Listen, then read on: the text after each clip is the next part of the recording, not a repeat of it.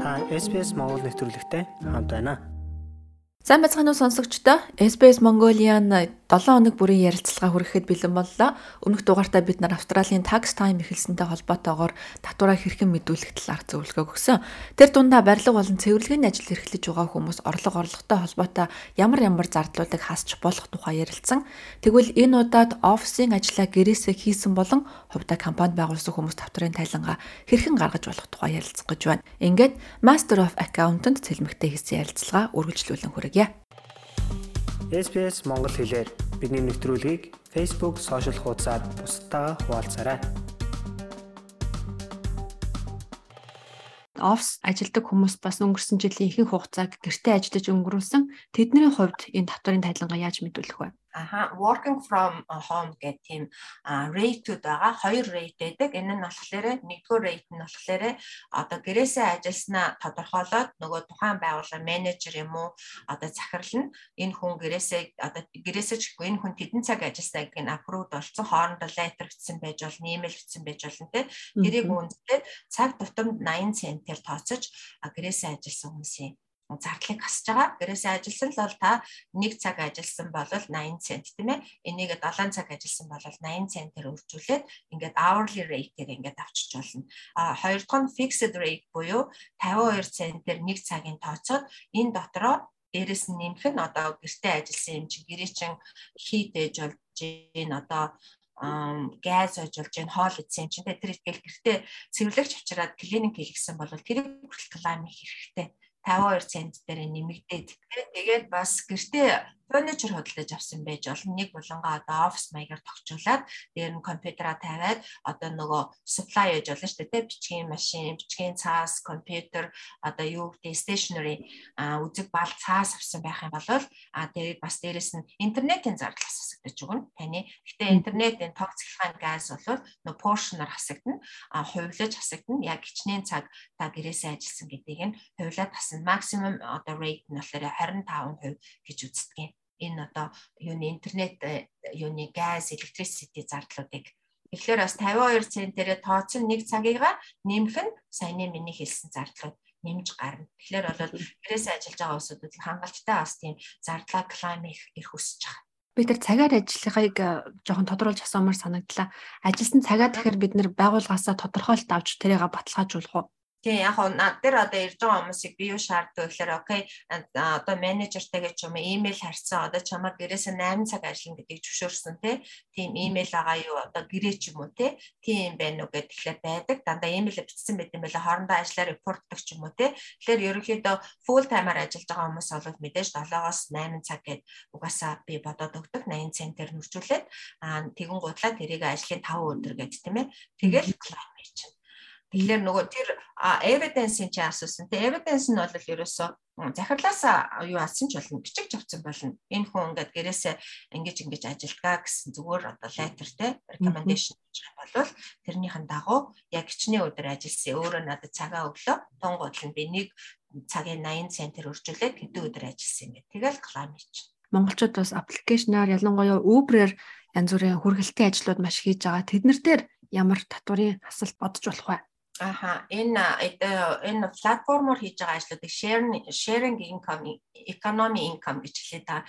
Энэ дээр болохоор манай монголчууд Uber Eats, Uber X те дээрэс нь одоо Ola, Didi янз бүрийн такси компаниудын ажлыг аягүй хийдэг. Тэгэхээр энэ дээр хамгийн түрүүл ярихаас өмнө энэ дээр GST-ийн асуудал яригддаг. А зарим тохиолдолд хүмүүс анх ажилд орохдоо GST бүртгүүлээг болохоор би GST-ийн тайлан гаргахгүй гэдэг. Тэгэхээр энэ дээр бол заавалжгүй Uber Eats-ээс бусад бүгд ride sharing-ууд бол бүгдээрээ GST-ийн тайлан улирал алган гаргана.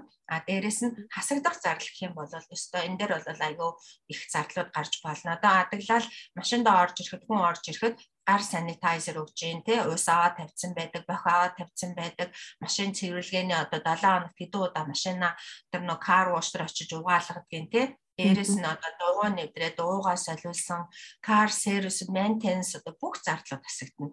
Дээрэс нь түрүүний нөгөө log book бол энэ одоо sharing income дээр бол юу яахгүй нэг шаардлагагүй яадаг л таксинд ажиллаж байгаа хүмүүс жилдээ 50000 км одоо ихэнх нь явцсан байдаг. Тэгэхээр 50000 км явсан бол logbook метод, километр метод гэдэг учраас километр метод дээр 5000 км явсан гэж үзээд автоматар 3600 долларын зардал асагдаж өгдөг. Нэг манайхан хоёр метод байдаг аахгүй метод аргачлалтай тэгэн гутлаа нэг нь log book-ээр одоо log book-ийн business percentage-оор боддог нөгөөх нь болохоор нийт явсан километр чинь жилдээ 5000-аас дээшээ гарчих юм бол одоо тэр 1 км-ийн 0.60 центр хөгжүүлээд ингээд тасалт хийгээд өчтдөг.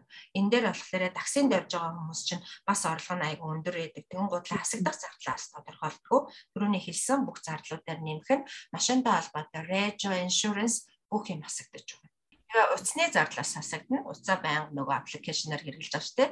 Сард хэдэн төгрөгийн плантай 60 долларын плантай бол 60-га 12 сараар өрчүүлээд тэгээд нөгөө бизнес персентажаараа 80% та өрчүүлээд ингээд утасны зардал гаргаж байна. Сүүлийн үед монголчууд маань бас салбар бүхэнд компани байгууллага өөрсдийн хүчээ бас үздэг болсон байна. Тэгэхээр компани байгуулна гэдэг бол бас татварын өөр тайлан шаарддаг байхаа. Тэгээд ялангуяа төмрийн салбарт ажиллаж байгаа монголчууд маань нийлээд компани байгуулан ажилладаг болжээ. Тэднэрт та ямар зөвлөгөө мэдээлэл өгмөр байна? За тийм. Сүүлийн үед бол одоо манай монголоор бол хязгаарламжууд бол хариуцлагатай компани буюу австралиар PTY Ltd гэх те одоо яг хуулийн этгээд одоо болж байгаа байхгүй. Нөгөө түрүүний хэлээд ABN TF-ийн төлөгч биш. Дээрэс нь бүр одоо компани болоод гараад ирж байгаа байхгүй. Тэг хичнээн төгрөгийн татрын тайлан гаргаад хичнээн төрлийн одоо татвар төлөх ёстой те GST буюу монголоор нөөтийн одоо категори гарч ирнэ. Энэ дээр болохоор нөөд төлөгч маань жилийн орлого нь 75 мянган доллар орлоготой болонгуудлаа автоматар ерөөхдөө нөөд төлөгч болох хэрэгтэй композер яахгүй тэр нь. Тэгэн гутал нөөд төлөгч болоод ирэхээр хоёулаа жишээн дээр ярих юм бол би нэг компани ундраа нэг компани байлаа гэж бодоход би ундраа руу за өнөөдөр би 20 мянган долларын ажил хийсэ. Та ингээд миний цалин шилжүүлээрээ одоо саб контрактор хэлээд шүү дээ таны компани руу би 20 мянган долларынхаа инвойсыг явуулангуудал би өөрөө GST төлөгч, ундраа GST төлөгч тохиолдолд би 22 мянгаыг одоо ундраад өчөж өгнө. Миний үндсэн хийсэн ажил 20 мянга, а 2 мянга нь болохоор GST. Ундраа над руу эргээд 22-ыгаа хийлээ. Тэгэхээр энэ 2 мянга ундрагийн ч мөнгө ш, миний ч мөнгө ш, энэ ATO-гийн мөнгө GST яахгүй юу.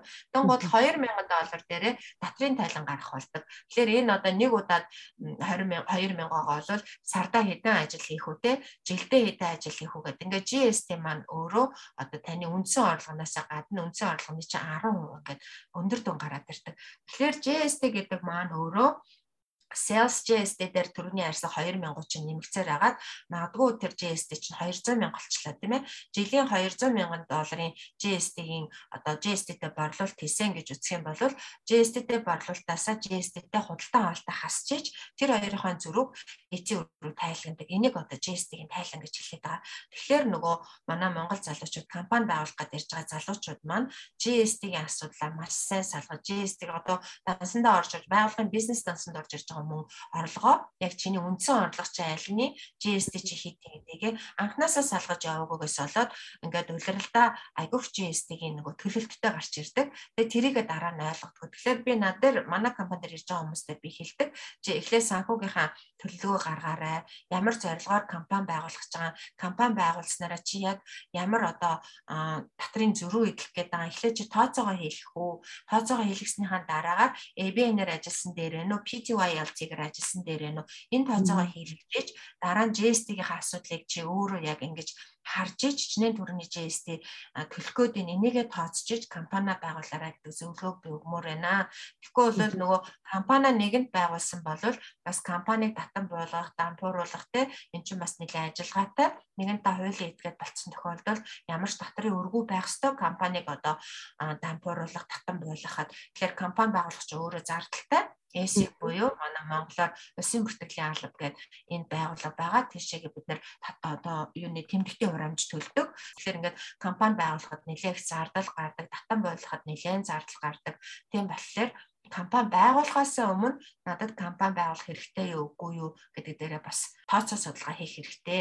А компани байгуулад явж байгаа хүмүүс IT өгөөс benefitтэй. Одоо сая жишээлбэл энэ ковидын үеэр нодлонгоос эхсүүлээд government grant гэж одоо жижиг дунд бизнесийг дэмжихтэй одоо сардаа юм улиралдаа 5000 доллар одоо ажиллаж байгаа ажилчнаас шалтгаалаад 100000 доллар ч юм уу те өөрснөө клайм хийж аавна л да. Тэгээд тэр нөгөө яг requirement-ийг хангаж иж бас маш их дэмжлэг үзүүлсэн. Засгийн газраас компани байгуулсны ашиг нь юу юм? А компани байгуулахгүй бол би яах юм? Байгуулал би хичнээн төвний татвар төлхийн гэдэг тооцоо судалгаа эхлэж хийгээрээ. Тэгэхгүй бол нөгөө цаана одоо нэгж байгаа саб контрактаас шалтгаалаад яг тэр хүмүүсийнхаа хэлснээр шууд компани байгуулахад хүрээд ирдэг. А байгуулсан компани татраа төлөхгүй овердөө болгочдөг.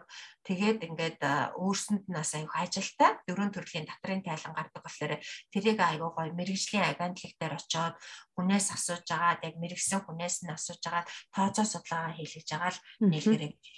За яг одоо бол татварын тайлагны хугацаа 7 дугаар сарын 1-ээс эхэлсэн хизээ дуусах хүлээ зэлмэгч. 10 сарын 31-ээр дуусна.